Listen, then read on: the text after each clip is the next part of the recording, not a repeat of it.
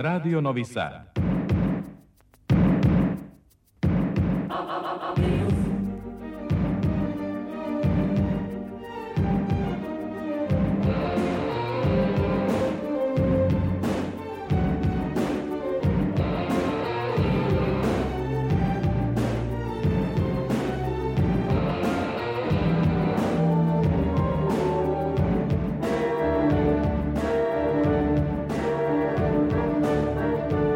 Spektar.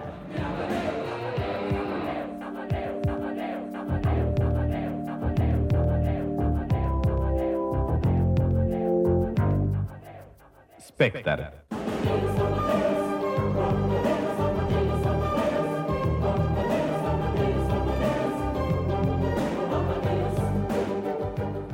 Dobroveče. Ja sam Tatjana Novčić-Matijević. Počinje Spektar, magazin prvog programa radija, radio televizije Vojvodine za kulturu i o kulturi. Da, ono čega smo se pribojavali, desilo se. Britanski književnik indijskog porekla Salman Rushdie uboden je u vrat dok je držao predavanje u zapadnom delu države New York. Saopštila je policija i dodala da je njegovo zdravstveno stanje nepoznato. Ova vest je od večeras. Nažalost, još nema nikakvih informacija novih o e, zdravstvenom stanju. E, napadač je odmah e, uhapšen jer je on je pojurio na binu amfiteatra gde je govorio ružde i napao i pisca i njegovog sagovornika. Kao što znamo, Ruždi, autor satanskih stihova, bio je pod fatvom, knjiga je zabranjena u Iranu od 88. godine, on, on se skrivao celu deceniju u Velikoj Britaniji, otkad je iranski ajatola Homeini, dakle 89. godine, izdao verski dekret fatvu kojom je naredio vernicima da ubiju pisca zbog navodne uvrede islama u romanu. Iranska vlada je 98. saopštila da ne podržava fatvu, ali da je i ne povlači, jer prema islamskoj doktrini jednom izrečena fatva ne može se nikad povući, pogotovo ako je onaj koji je izrekao umeđu vremenu preminuo što se zapravo sa Homeinijem i dogodilo. Ruždi u svet književnosti ušao 81. godine romanom Deca ponoći, situiranom u njegov rodni Mumbaj, čija radnja počinje u ponoć 15. avgusta 47. u trenutku kada Indija stiče nezavisnost od Velike Britanije, a sve ovo eto objavljujemo 12. avgusta.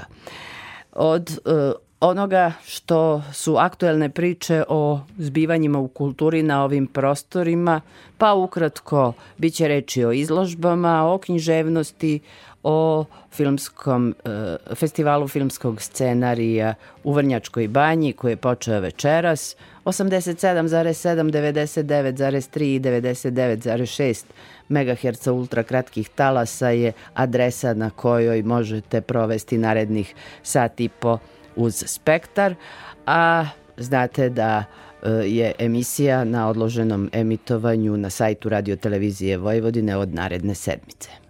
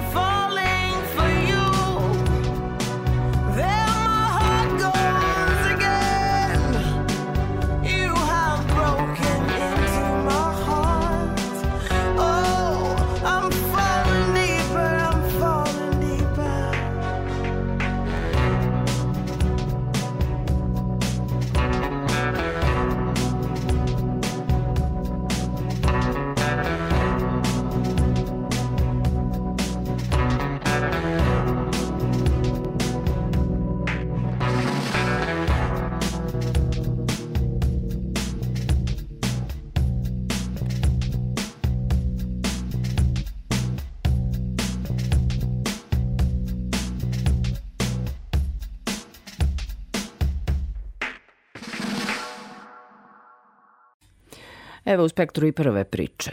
U Muzeju savremene umetnosti Vojvodine večeras posebno svečano. Ambasador Japana, Takahito Katsumata, otvorio je postavku radova pet savremenih japanskih vizuelnih umetnika.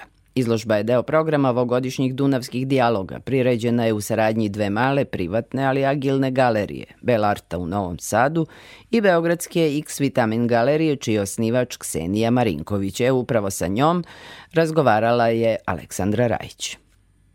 Prvo od toga šta znači naziv uh, Small Reboots. Ako se ne varam, reč je uh, o periodu korone i odgovoru umetnika na takve civilizacijske ili transcendentne izazove.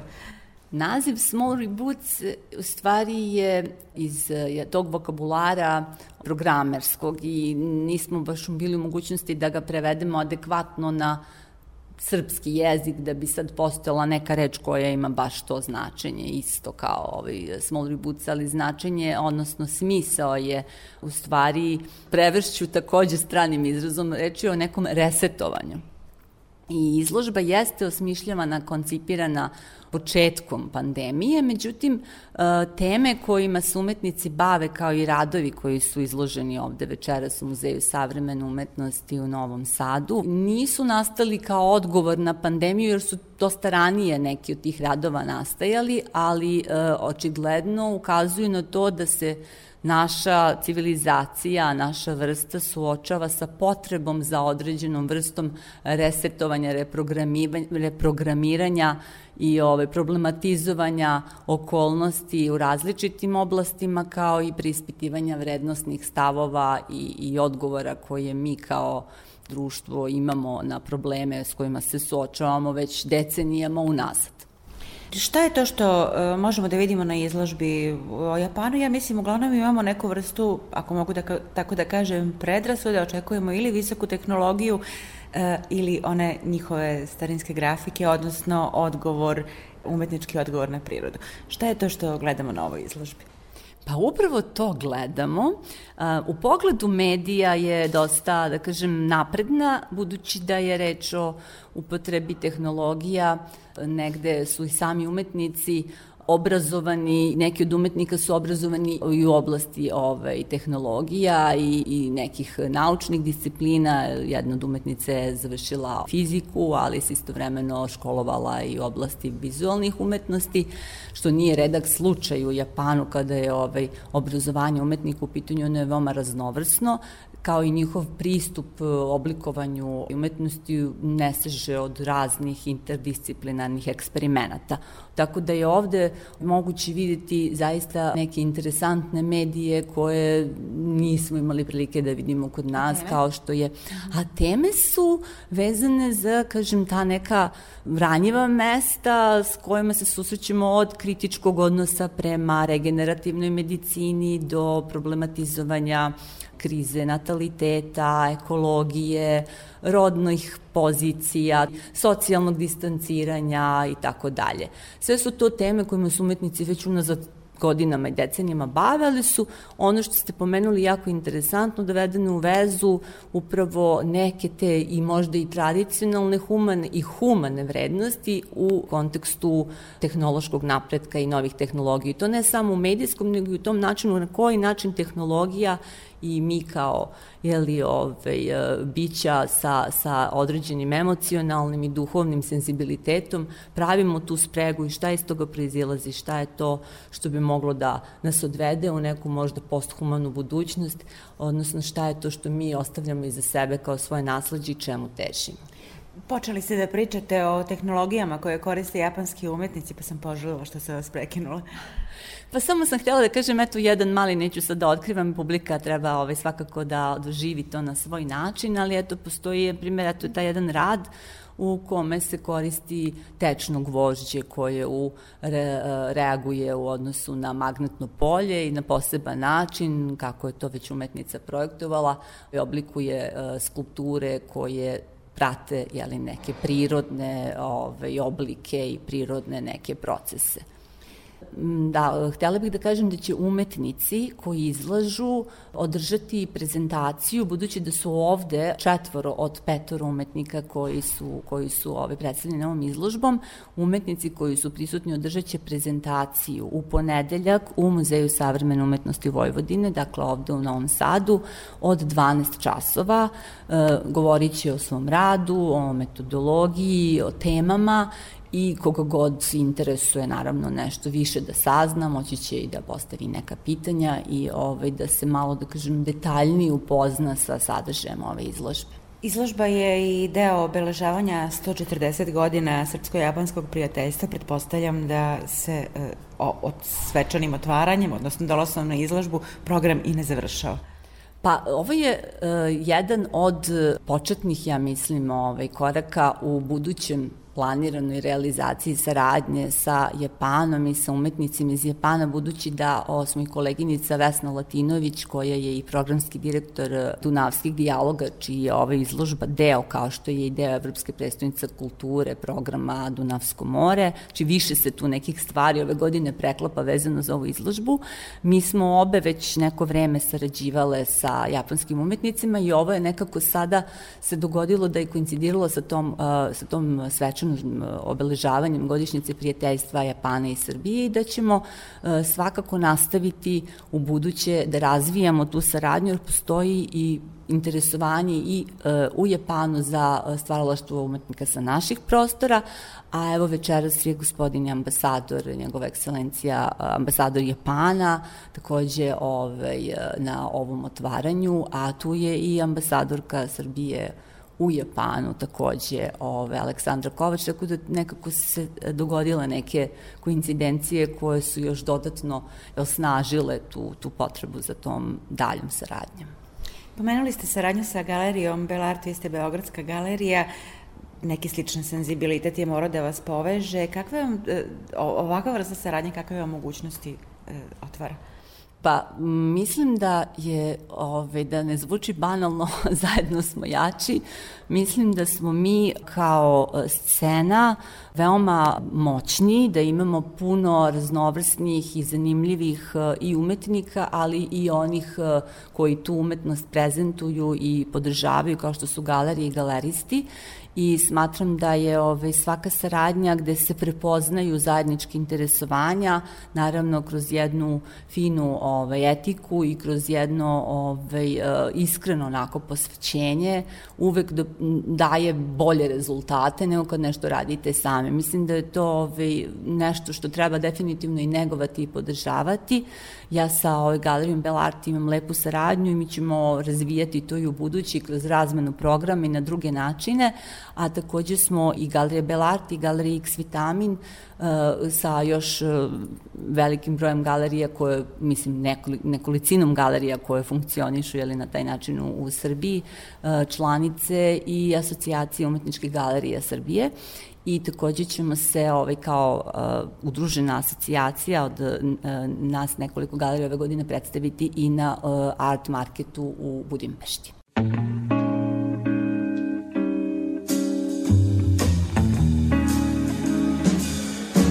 Un jour de différence dans toute une existence. Ça n'a pas d'importance, semble-t-il, et pourtant, la vie vous semble grise. 24 heures suffisent pour qu'on la trouve exquise. Que faut-il simplement? Il faut bien peu de choses. Le parfum d'une rose. Un sourire qui se pose sur vous bien doucement. J'en fais par vous l'expérience c'est pourquoi je pense que un jour de différence, c'est quelquefois beaucoup.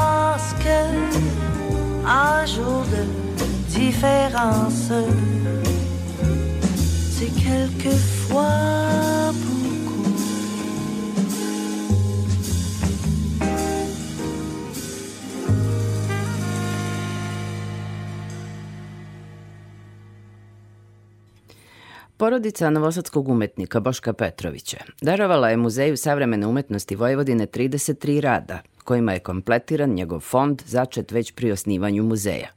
Reč je o pet slika velikog formata i mnoštvu kolaža, monotipija, akvarela iz najproduktivnijeg perioda. Radovi su izloženi na postavci kojom je ujedno obeleženo i 100 godina od rođenja umetnika koji je ostavio traga u umetničkom životu Vojvodine. Osnovna namera prezentacije radova na izložbi i u pratećem katalogu jeste afirmacija darodavalaštva, kaže kustoskinja Tatjana Panić u razgovoru sa Aleksandrom Rajić. Čime je ovom izložbom uvećan fond Boška Petrovića u Muzeju savremene umetnosti Vojvodine? Dosadašnji fond Boška Petrovića u Muzeju savremene umetnosti koji broji 26 e, radova ako se govori samo o e, slikama. E, uvećan je sada poklonom koji su njegovi naslednici Višnja Petrović i Mirko Petrović poklonili Muzeju savremene umetnosti. U pitanju su dakle radovi koji su nastali između 1956. i 1978. godine.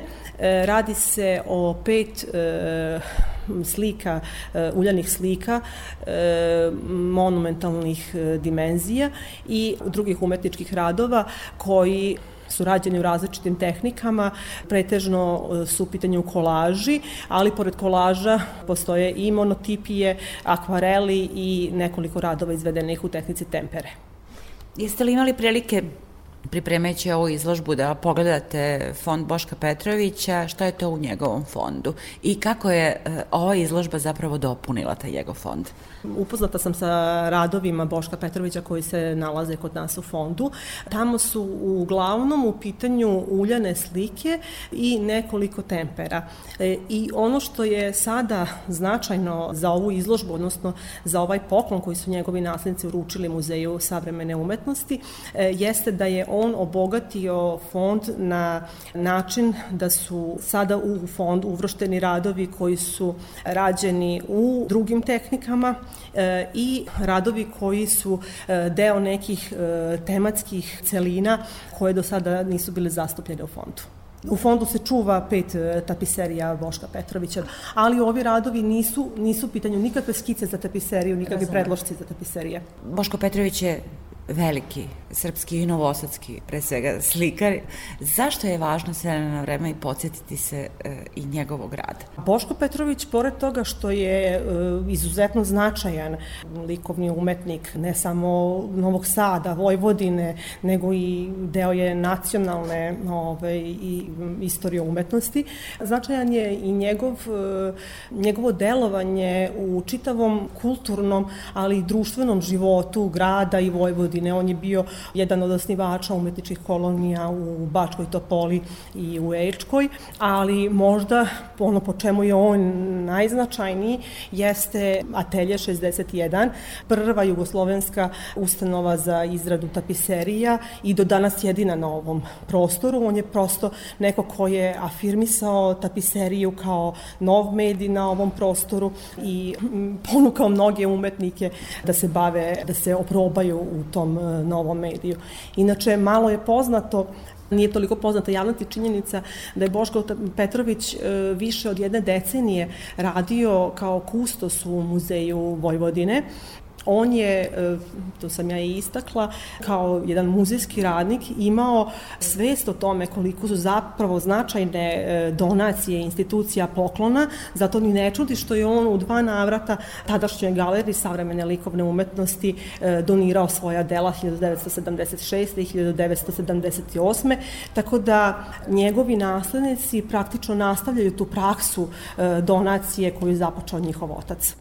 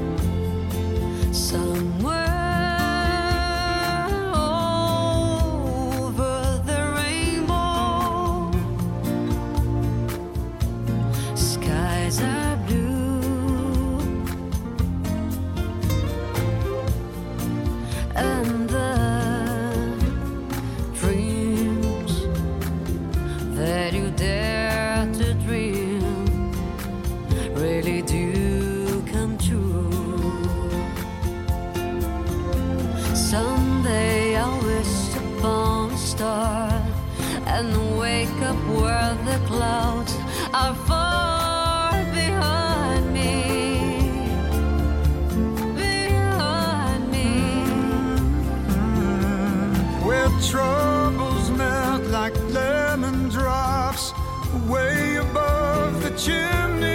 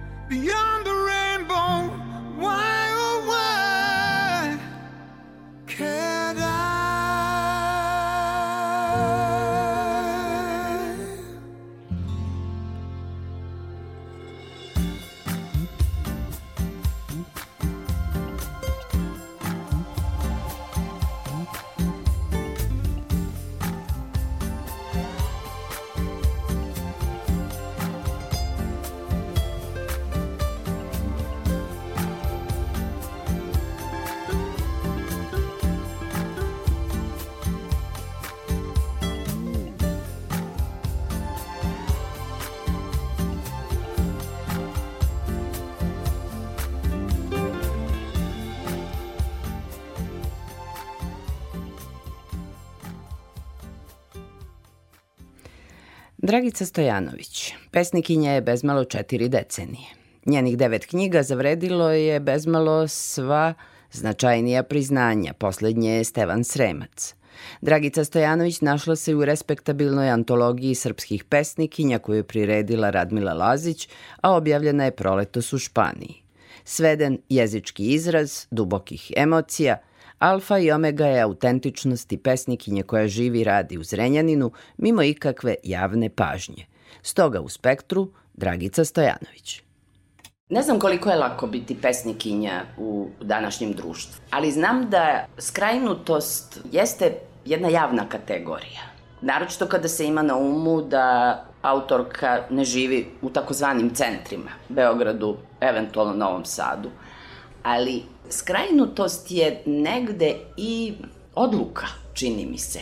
Naročito kada se čitaju stihovi, a stihovi su nastajali skoro 40 godina, jer to je, to je e, lep staž i lepa kilometraža u tom brušenju pesničkog jezika. Jel imate vi osjećaj da ste skrajnuti? Ajde da krenem možda tim pomalo grubim pitanjem. Imam osjećaj, a kao što uvek kažem u životu, sve što je prednost ima i svoju manu i svako zlo ima nečeg dobrog, pa ponekad ta skrajnutost e, donosi dobro za pisanje. Možeš da budeš na brdu, a da sa brda sve vidiš i nekad ti je to prednost. A skrajnutost ne, ne samo moja lična, nego mislim da čak uh, u zadnje vreme čak mislim da je to jedan projekat da se pesnikinje da budu skrajnute i da ne budu u prvom planu. Još bih dodala da na skrajnutost utiče i to u današnje vreme da nisi u poziciji da nekome nešto uzvratiš, znači nisi u izdavačkoj kući, nikome nećeš za neku nagradu uzvratiti knjigu, ako si u časopisu nećeš mu objaviti pesmu, prosto ništa ne možeš da, da pružiš tom nekom za uzvrat i onda pomalo stradaš. Ali uz to stradanje možda ću i imati prilike, nadam se da pročitam pesmu Master Class po kojoj moj novi rukopis nosi ovaj naziv. Ona je, ona je pesma o, o tom stradanju i uvek kažem, bez patnje, bez tog stradanja, za mene nema velike poezije. Ajde odmah da čujemo i master klas. Master klas. Bez tvonjka u džepu. Služeći svome daru ko kralju i otačbini. Maturant koji upisuje jedinu željenu školu. Master klas. Idući ka dalekim azbukama, pevajući pesmu na svome jeziku uz usnu harmoniku, sećajući se čistača cipela, popijenog vina sa prognanima, majčinog belog pasulja u zoru. Vele su pahulje, ta mala nebeska slova. Niko ni jednu da skine s ramena kroz dubok sneg propadala je čizma. Samo je za trudničkim stomakom, snohvatica i buđenja, ostajao trag promrzlih anđela. A sada malo onome što je poslednjih meseci, godina, objektivnija slika o poziciji Dragice Stojanović u pesničkom životu. Bibliografija kaže devet pesničkih knjiga. Ovo je sa deseta. I deseta, Da, devet da. pesničkih i jedna kratkih priča knjiga. Nagrade, čak vrlo relevantne kada govorimo o književnosti, mislim pre svega na nagradu Milica Stojadinović Crpkinja, ali mislim i na nagradu Stevan Sremac koja je, evo, najnovija. Ona, ona je za humor, bilo je iznenađenje, moram da priznam, ne vezujemo vas baš mnogo za, za humor u poeziji. Da, to mi je donelo mogućnost da se podsmejem životu. Ja sam u dva dana, nećete verovati, napisala 40 novih pesama. Ali ne zato što sam ja tako genijalna i, i to mogu, nego prosto sam e, imala potrebu da sakupim sve ono što sam godinama tako imala neki početak, ne, neku ideju i, i onda sam dva dana ne izlazići iz kuće uradila tih 40 pesama. I pišući o svakodnevici, ja sam rešila da se, naravno, kako i, i, i živim, da se podsmeknem životu. I kada sam videla kon, konkurs, pomislila sam da je to, eto, vrlo zgodno i da odgovara temi. I tako da su one stigle, a eto, dovela me do te značajne i meni drage nagrade. Govorite o tome da, da je ciklus nastao u kratkom periodu, a vaš stvaralački proces, odnosno vreme kada nastaje pesma, sudeći po onim stihovima koje čitamo, je zapravo jako trpno vreme i dugo traje. Taj izraz se jako brusi. Da se dovede u onaj minimalizam jezički, a značajnski tako pun da ne ostavlja ravnodušni oni koji čitaju vašu poeziju. Pa, drago mi ako se to vidi. Ono što bih ja mogla da kažem to je da iza svega stoji jedna jako velika posvećenost. Kao najbolji primer bih rekla da imam u, u najnovijoj zbirci pesmu koja se zove Bio si lep. A, ja sam tu pesmu zamislila tako da a, svakoga dana samo imam jedno poređenje za to kako je on bio lep. I čitavog dana bih naravno imala više toga što mi je padalo na pamet, a na kraju dana bih samo ostavila jedno poređenje. Tako da svaki stih u toj pesmi je jedan dan. Znači, ako ima 100 stihova, ta pesma je pisana 100 dana. Ima vas i u važnim antologijama srpske poezije, odnosno stvaralaštva srpskih pesnikinja, da budem baš sasvim precizna, dakle, isključivo je reč o ženskoj poeziji. Ta jedna antologija vas je odvela i u Španiju, pa bih volela da čujem ta iskustva suočavanja sa poezijom u drugom jeziku, koji nije blizak našem, kulturološki je takođe drugačiji prostor, sam taj osjećaj boravka tamo na, na tom festivalu. Taj poziv sam dobila kao, naravno, posledicu, ajde da kažem grubo posledicu mog bivstvovanja u toj antologiji. U junu mesecu moja koleginica Danica Vukićević i ja smo bile gošće udruženja uh, Srba iz Madrida, koje je sa našom izdavačkom kućom Vaso Roto imalo ideju da promoviše u Španiji naravno tu antologiju. Ono što je važno i najvažnije je da je antologiju priredila Radmila Lazić i za nje je zaista najveći deo posla i da je dugo radila. Od ideje do realizacije gotovo da je prošlo pet godina. Dubravka Sužnjević, koja godinama živi u Španiji, je prevela te pesme. U njoj je 17 pesnikinja, a obuhvata period od 1956. E, godin, godišta. Nine Ževančević do 89. godišta najmlađe pesnikinje.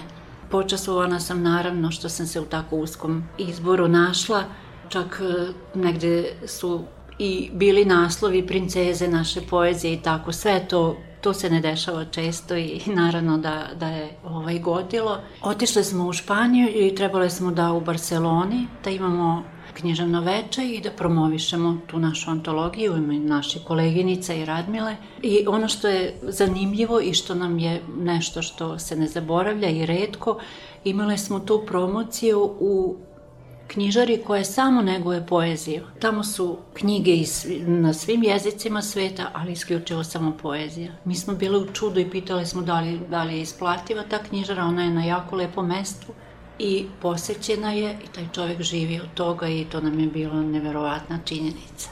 Kao što je za Špance bilo fascinantno kada smo otišli, imali smo u Madridu dve promocije, Za njih je bilo i, ovaj, samo da kažem, i to nam je bilo lepo, jer je u Nerudinoj ulici bila ta ovaj, knjižara.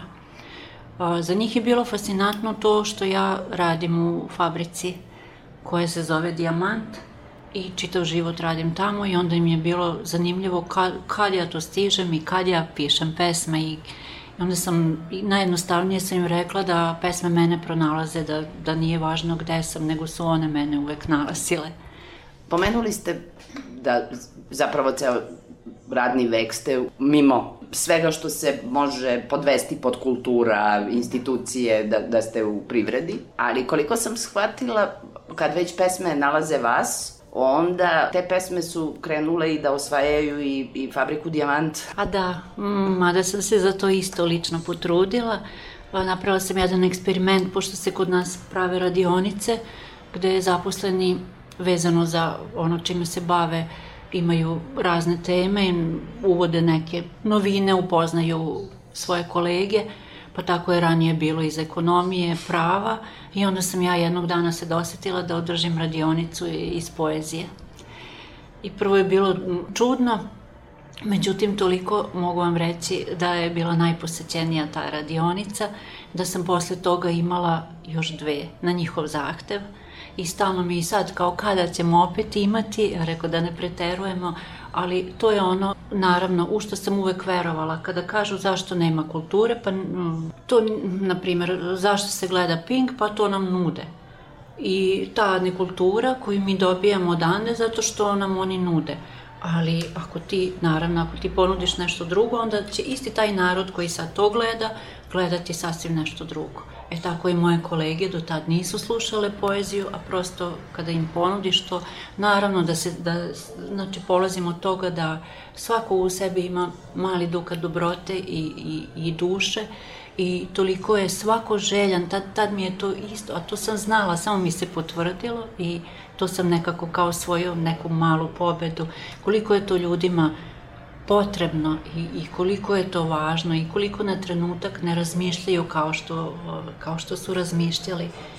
Čak i kad smo bile u Madridu, ambasadorka je rekla da ni ona više neće od ovog trenutka da tako pojma život i, i, i posao i da će malo više dati sebi i, i ovoj duši njenoj a ja sam čitav život, znači imala najrazličitija mesta gde sam govorila poeziju i gde god bi me neko pozvao, samo mi je bilo važno da neko to sluša. Ta tišina, to je ono, verovatno, što sam želela da postignem i u svojoj poeziji, to mi je vrhunac nečega čemu, čemu težim.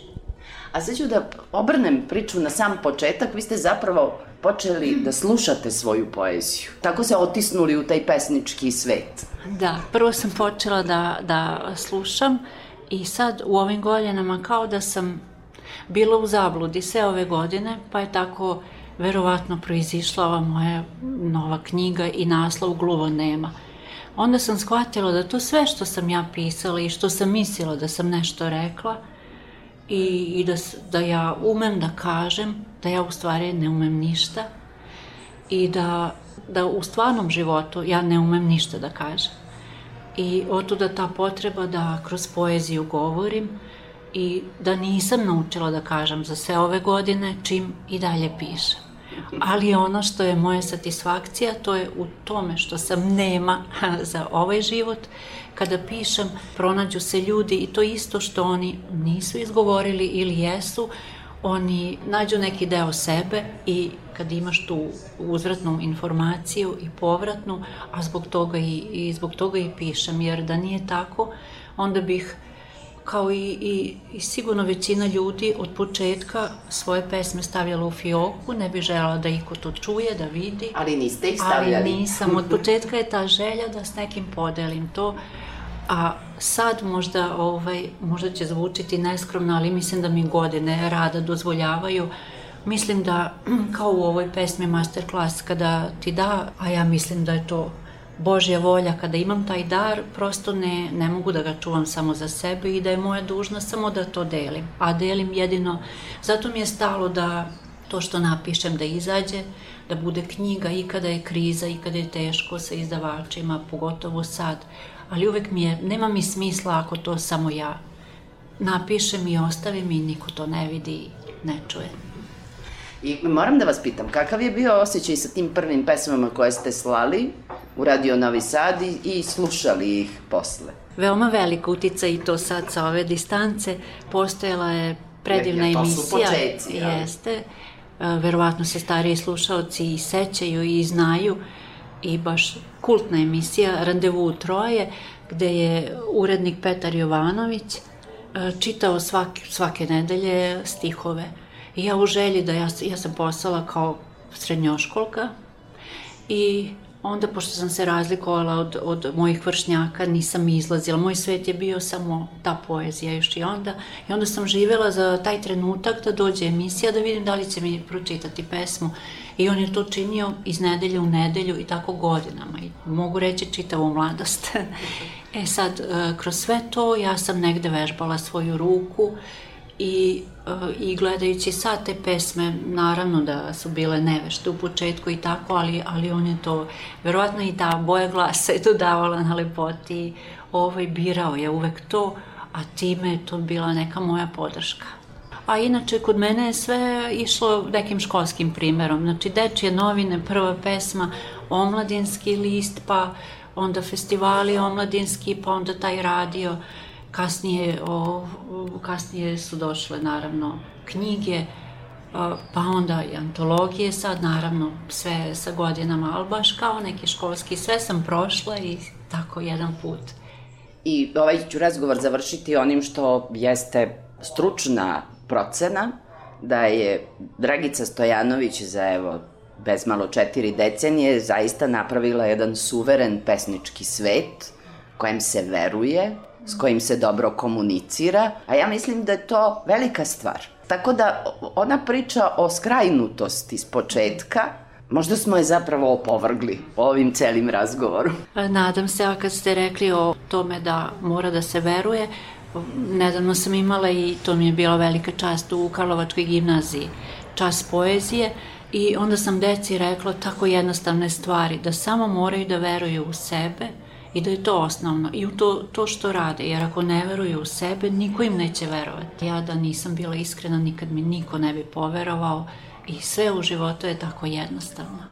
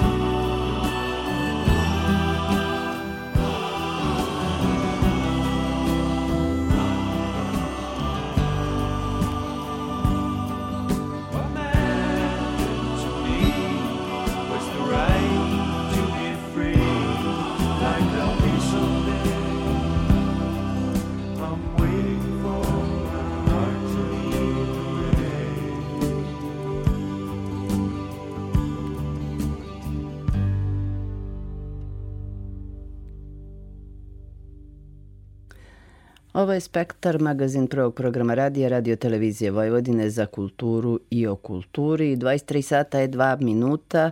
Još smo u e, književnosti. Rastislav Durman, pisac, scenarista, dramaturg, reditelj, producent, novinar i prevodilac, već odavno se uspešno ostvario i književnosti za decu. Najnovija knjiga Zmajevi, Zmajke i Zmajčad insistira autor i nije samo za mlađe čitaoce. Greše svi koji misle da su bajke samo za mališane. Ko prestane čita bajke, zaboravit će da je bio dete. Napomena, za radoznale, Zmajevi, Zmajke i Zmajčad. Preslatki naslov sugeriše naravno šta je sadržaj, ali šta zapravo jeste sadržaj ove knjige?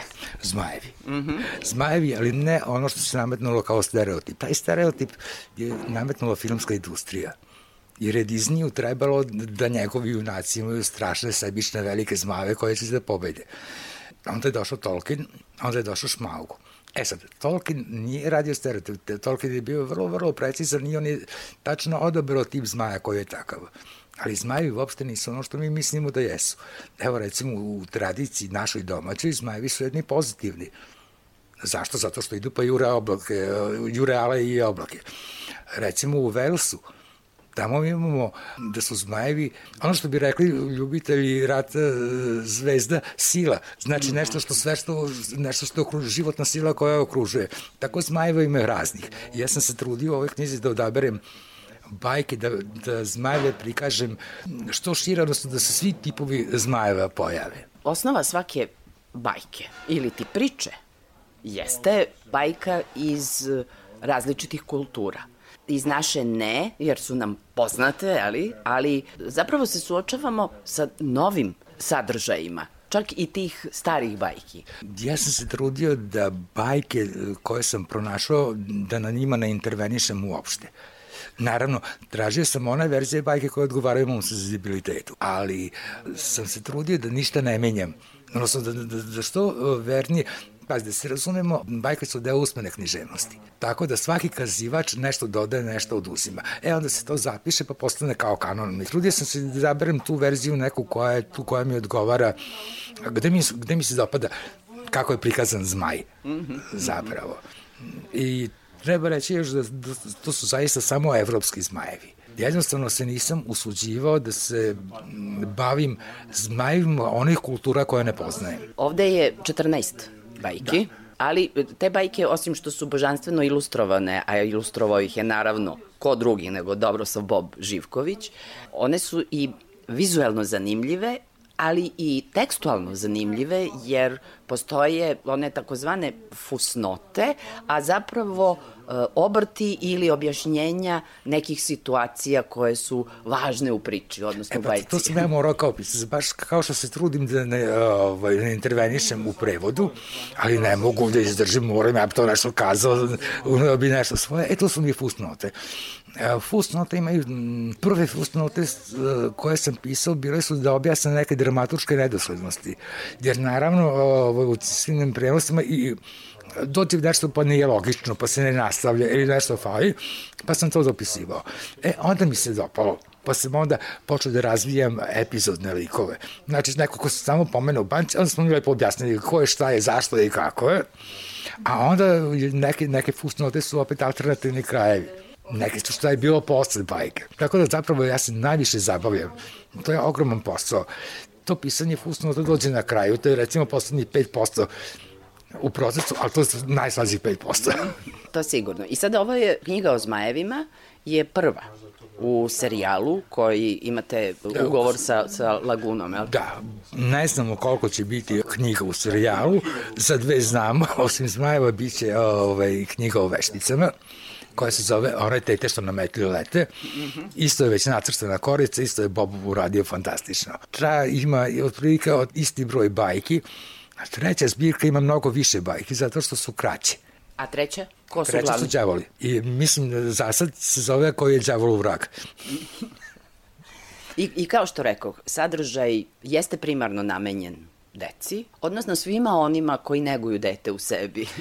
Ima i to još nešto. Bajke prvobitno uopšte nisu bile za decu. Bajke su bile jedan, bilo ono što se priča pored vatre, jel? bila je namenjena odraslom. Tek tamo negde u 19. veku bajke se, da kažemo, adaptiraju ili biraju se one verzije bajke koje odgovaraju deci. Tako da i to što, mi, što svi misle da, da su bajke za decu, nije, bajke su za sve.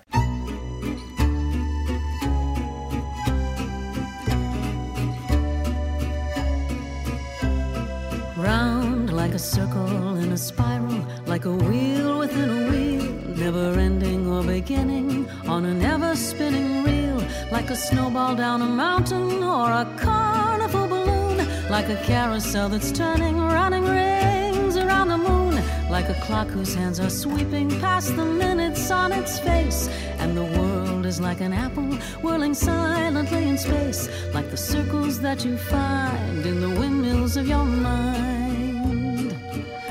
Like a tunnel that you follow to a tunnel of its own, down a hollow to a cavern where the sun has never shone, like a door that keeps revolving in a half forgotten dream, or the ripples from a pebble someone tosses in a stream, like a clock whose hands are sweeping past the minutes on its face, and the world is like an apple whirling silently in space, like the circles that you find in the windmills of your mind.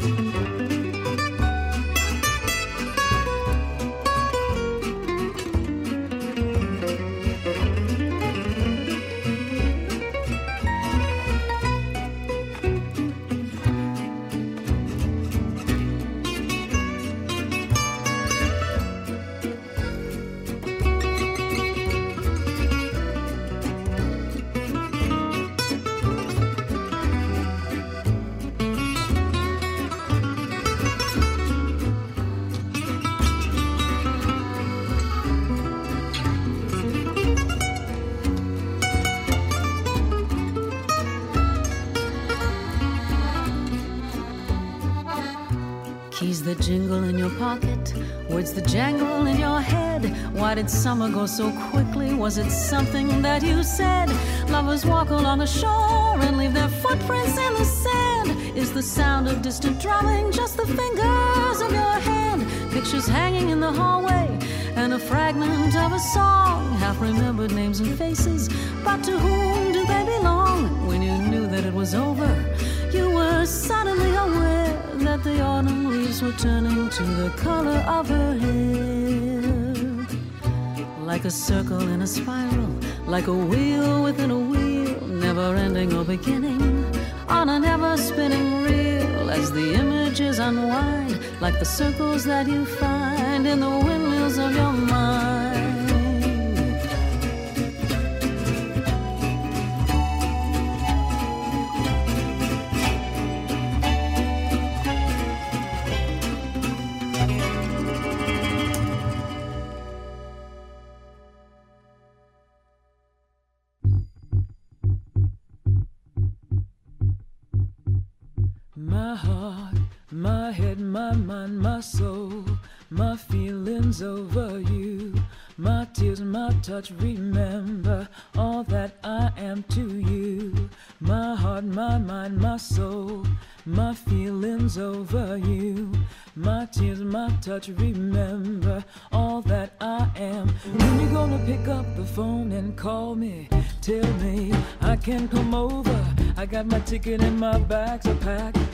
coat is hanging over my shoulder. Time is passing.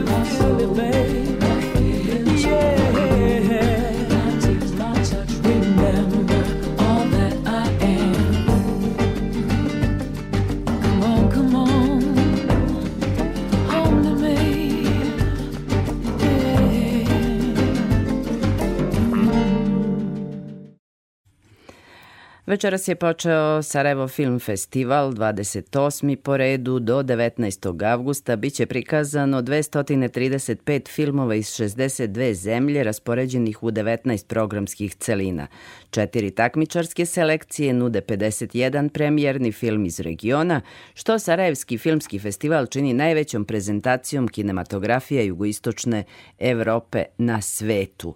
A mi sada idemo u Vrnjačku banju. Tamo je večeras počeo 46. festival filmskog scenarija. Tamo je Goran Vukčević, znamo, bilo e, vrlo neprijatnih vesti u oči festivala. Gorane, kako je večeras počelo? E, pa počelo je lepo, sa vrlo malo kišice, to nije omelo e, defile e, učesnika festivala. E, poslednjih nekoliko godina e, neka vrsta pojačanja kako bi sve postalo atraktivnije su e, brojne ekipe, dakle ne samo e, scenaristi, nego su se nekako masovno priključili glumci, time se festival je li potrudio da e, to dobije kako bih rekao više glamura, jer široka publika reaguje na prepoznatljiva lica. A i glumci da to... su se uželeli festivala, bila korona par godina. I, tako je, tako je. E, tako da su brojni glumci, glumci su i promoteri festivala i u e, spotu koji promoviše festival učestvuje eto Mira Banjac koja je zaštitni znak ne samo festivala evropskog filma na Paliću, nego evo i festivala filmskog scenarija u Vrnjačkoj banji. E, festival je počeo ostvarenjem Filipa Čolovića Ala je lep ovaj svet. Ja sam izašao e, eto na kratko s projekcije da bismo se e, čuli i da prenesem utiske. E, kiša ne pada, lepo je da padne kiša, ali ne baš ovaj kada, kada su projekcije u toku u amfiteatru e, Danilo Bata Stojković e, ovde u inače prepunoj Vrnjačkoj banji. Mm -hmm. prepunoj, prepunoj turista i zaista u jednoj dobroj atmosferi kojoj naravno doprinosi i festival bez obzira na, na eto neku vrstu skandala što su neki učesnici svoje filmove povukli i odustali e, program ipak bogat, evo opet počinje malo kišiti. Dajte nam kišu ovamo gore, na, mi nemamo tih ovaj, sve, svetkovina na otvorenom, nama bi dobro došla kiša, a vama nek bude suvo da mogu projekcije normalno da idu. E, tako je, pa e, ono što je bilo sporno e, u toku priprema festivala, to su ove projekcije od 16 časova koje idu u zatvornom prostoru kulturnog centra i problem je što te projekcije su vrlo slabo posvećene, a prostora u većinim terminima ima za svega e, dva naslova. Eto, to je ono e, što je sporno. E, međutim, sve do, do 16. uveče mi ćemo videti čak i nekoliko premijera, među kojima je i ova koja ide večeras, a treba napomenuti da su i večeras uručene nagrade, dakle e, e, Srđanu Koljeviću je pripala nagrada koja nosi ime njegovog profesora. To je nagrada koja se dodeljuje e, počasnog, nagrada Gordan Mihić u znak na jednog od naših najvećih scenarista u istoriji domaćih filma i televizije Gordana Mihića. Dakle, Koljević je dobitnik te nagrade a od ove godine uh, će e, po, postojati i nagrada Marko Živić za najboljeg mladog glumca, s obzirom da je uh, veoma mnogo Marko Živić doprineo ovom festivalu, to na promovisanju, dakle, festivala filmskog scenarija u Vrnjačkoj banji. To je lepo što se čuva sećenje. Šta kažu oni oficijalni podaci? Koliko zapravo projekcija dnevno? Znamo dve na otvorenom, A šta, ako e, kiša poremeti plan? Projekcije, e, pa je, postoje projekcija, evo publika zbog kiše koja je krenula napušta ovu projekciju, nažalost, to nije se završio film, ali e, ima dakle dve večernje projekcije i projekcija od 18 časova u kulturnom centru, e, s tim što su e, neke projekcije otkazane. Koliko e, ja vidim ovde po najavama projekcija filma Dušana Kovačevića e, nije, nije teško biti čovjek će se ipak održati. Mm -hmm. uh, poslednjeg dana, bar sudeći prema najavama ovde, do tog dogovora je došlo. Uh, I ima projekcija koje su uh, isključivo u, u čast nagrađenika, to recimo sutra ćemo vidjeti film Boži čovek uh, Jelene Popović, uh, to je uh, film koji je imao distribuciju reči o grčkom filmu, a sve u, u znaku E, simpozijuma koji počinje sutra, a to je e, simpozijum posvećen hrišćanstvu e, na film. Mm, velika tema, da, da, da, da, da. Dakle, moglo bi se ispostaviti ako se vremenske prilike tako ovaj, odrede, da će te projekcije od 18 časova u, na zatvorenom biti najposećenije. A onda će organizatori biti u velikom problemu, ne? E, da, pa, zato što će biti potrebno da se i ove večerne projekcije izmeste tamo ukoliko zaista ovaj vikend bude kišan, a, a onda su kapaciteti prostora e, mnogo manji. Jasno. To može ovaj dovesti e, organizatore u probleme. U svakom slučaju e, dobitnike nagrada e, ovogodišnjih ćemo m, e, saznati poslednje večer festivala 16. I treba samo da napomenem da će o najboljim scenarijima odručivati žiri u sastavu Milutin Petrović, mm -hmm. scenarista i reditelj, profesor režije, e, zatim Milan V. Puzić koji je profesor na našoj akademiji umetnosti u Novom Sadu, scenarista inače, e, i treći učesnik je jedan od najplodnijih reditelja moglo bi se reći, na našem filmu, to je reditelj Dejan Zečić. Mm. Dakle, njih trojica će odlučiti ove godine o, nagrad, o nagradama za najbolji scenar. I samo moram za kraj da te pitam, ranije je taj festival imao onu dobru praksu zvanu radionice za mlade buduće scenariste. Jel to još postoji ili... Jeste, to se nastavlja, to mm -hmm. se nastavlja i upravo na defileu učesnika e, prvi koji su prodefilovali su buduće scenaristi, od kojih će čak nekoliko debitovati ove godine u filmovima koji će biti prikazani. Neki su i premijerni, a neki su imali uspešnu uh, uspešnu distribuciju. Dakle, uh, festival ima tu misiju, to je veoma bitno, ne samo da uh, neguje publiku koja će koja će uživati u kvalitetnim scenarijima i naučiti da, da ceni kvalitetan scenario, nego i da o, o, promoviše i, i da tako kažem unapređuje e, scenaristička znanja e, na domaćem filmu. Jeste, pa srpska kinematografija je narav, naravno poznata i po odličnim scenaristima, ne samo rediteljima i glumcima, nego... O, o... Tako je. Ima jedna izreka Felinijeva, on je rekao e, dobar scenario ne može da upropasti ni potpuno upropasti, ne može da potpuno upropasti ni najgori reditelj, a e, najbolji reditelj ne može da pomogne lošem scenariju. Dakle, mi odavde držimo palčeve u Vrnjačkoj banji da uh, ta kiša ne poremeti uh, raspored uh, prikazivanja filma. Ja ću se vratiti na ovu projekciju. A, znači, Deo publike to, odustao. To je samo privremeno. Uh, Tako. Tebi hvala na ovom javljanju i puno sreće u Vrnjačkoj banji i na uh, projekcijama, a i na tom simpozijumu posvećenom hrišćanstvu na filmu. Hvala najlepše, srdačan pozdrav slušalcima i tebi, Anja, iz uh, Vrnjačke banje. Bio je to Goran Vukčević sa otvaranja 46. festivala filmskog scenarija, dakle jedna lepa tradicija koja uh, traje u Vrnjačkoj banji. I kada već govorimo o tradiciji, U Banji je prošle godine otvorena i kuća scenarija u sklopu Narodne biblioteke dr. Dušan Radić. Sve je počelo od jedne police, nekoliko originalnih predložaka za filmove, koja je kasnije prerasla u jedinstvenu zbirku na ovim prostorima, zabeležila Ivana Maletin Ćorilić.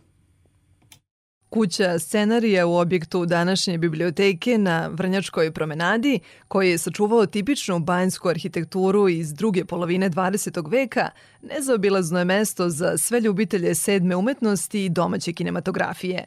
Njene temelje postavio je Boško Ruđinčanin, dugogodišnji direktor Kulturnog centra Vrnjačka banja, inače jedan od osnivača festivala filmskog scenarija i kako ga meštani nazivaju utemeljivača vrnjačke kulture – Bio je i pokretač manifestacije Vrnjačke kulturne svečanosti pod sloganom 100 dana za 100 priredbi, koje traju i danas i u stopu kojih se i održava filmski festival. U kući scenarija najstari rukopis datira iz 1977. godine.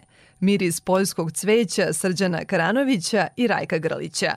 Film je prikazan na letnjoj pozornici u Vrnjačkoj banji na prvom festivalu 1978. godine. Takođe, posetioci ove nesvakidašnje zbirke imaju redku priliku da u rukama drže scenarije za neke od naših kultnih filmova, kao što su Ko to tamo peva, Nacionalna klasa, Petrin venac, ali i novije poput Mi nismo anđeli. U fundusu se nalazi više od 200 originalnih scenarija igranih domaćih ostvarenja. Radnici biblioteke nastoje da ih sačuvaju od zuba vremena, tako da su mnogi od njih već dostupni široj publici u digitalnom izdanju putem sajta biblioteke dr. Dušan Radić. Objašnjava direktor te ustanove Dejan Lučić. Ove godine e, je 46. E, festival filmskog scenarija. Direktor dugogodišnji Niko Divić je to pedantno pakovao, kupio i kad je Milan Nikodijević prestao da bude direktor e, festivala, on je to ostavio kulturnog centra, onda smo mi uzeli kulturnog centra i to, evo, ovako stavili u adekvatne polici i sad ih to ću da vam pokažem, sad ih digitalizujemo. Znači, tu imamo svih 46 godina s tim što naravno sad ove novi ne daje se više u, ja mislim, uopšte u ovako u štampanoj formi, Da, nego, kao, da, tako je.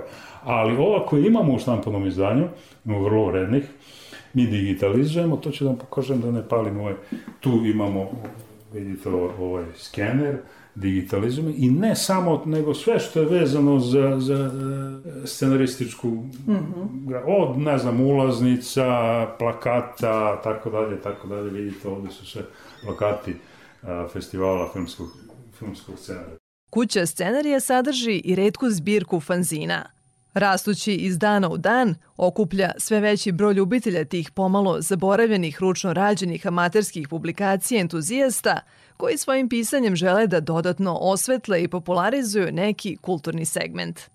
Potekla je od bibliotekara Miroslava Stašića, koji je i sam kolekcionar – Ivan Velisavljević, poznati filmski kritičar i ja, pošto bojica vučemo korene iz tog fanzinaškog sveta, obojica smo se bavili fanzinima, tako smo se i upoznali, onda smo došli na ideju da napravimo neku vrstu arhive, kao ovo što smo uradili sa scenarijima, znači da prikupimo što više fanzina, da ih digitalizujemo i da ih učinimo dostupnim. Pre svega mislimo na srpske fanzine, posle smo mi 90. godine imali iznenađujuće bogatu scenu fanzinašku, što je onako jedan vrsta paradoksa s obzirom na to kako je to vreme bilo i šta smo sve proživali tad, a tad je izašlo sigurno preko stotinu fanzina kod nas, imali su gradovi, čak su sela imali fanzine, Ivan i ja imamo te neke podatke, tipa da ne znam koji grad ima recimo četiri fanzina. E sad, ideja je ukratko da on i ja krenuli smo od naših kolekcija privatnih, sad mi znamo neke druge ljude koji imaju kolekcije, verovatno ćemo 1. septembra zvanično, to što se kaže institucionalizovano da krenemo, mm -hmm. da skeniramo, prikupljamo i da učinimo to ljudima dostupnim. I mislim da je to ono, u evropskim i svetskim okvirima nešto što je do sad nije rađeno. Tako da eto, to je ideja, ali ići ćemo i unazad, ići ćemo kao 80. godinama kada je to bila voznička cena Jugoslavije. E tu već neki ljudi jesu radili neke stvari da, da prikupe sve to na jedno mesto, ali kažem, eto, ideja je znači da se prikupi, da bude na jedno mesto, ali što je bitnije da bude digitalizovano. Kuća scenarije na Trgu kulture, nadomak letnje pozornice Danilo Bata Stojković, ponosno dočekuje goste i učesnike 46. festivala filmskog scenarija, nakon kojeg će tradicionalno biti bogatija za nove filmske naslove nastale u periodu između dva festivala.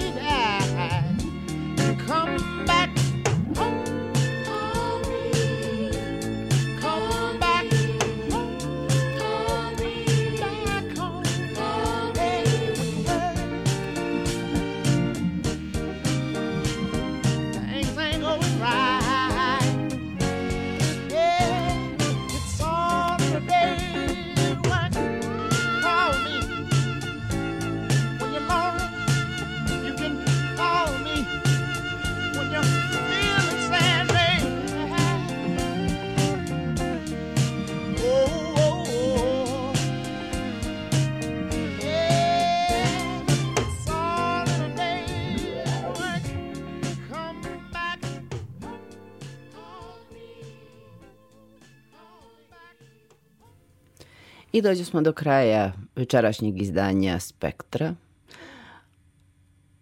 o aktuelnim dešavanjima u kulturi i umetnosti na ovim prostorima i narednog petka na talasu Radio Novog Sada.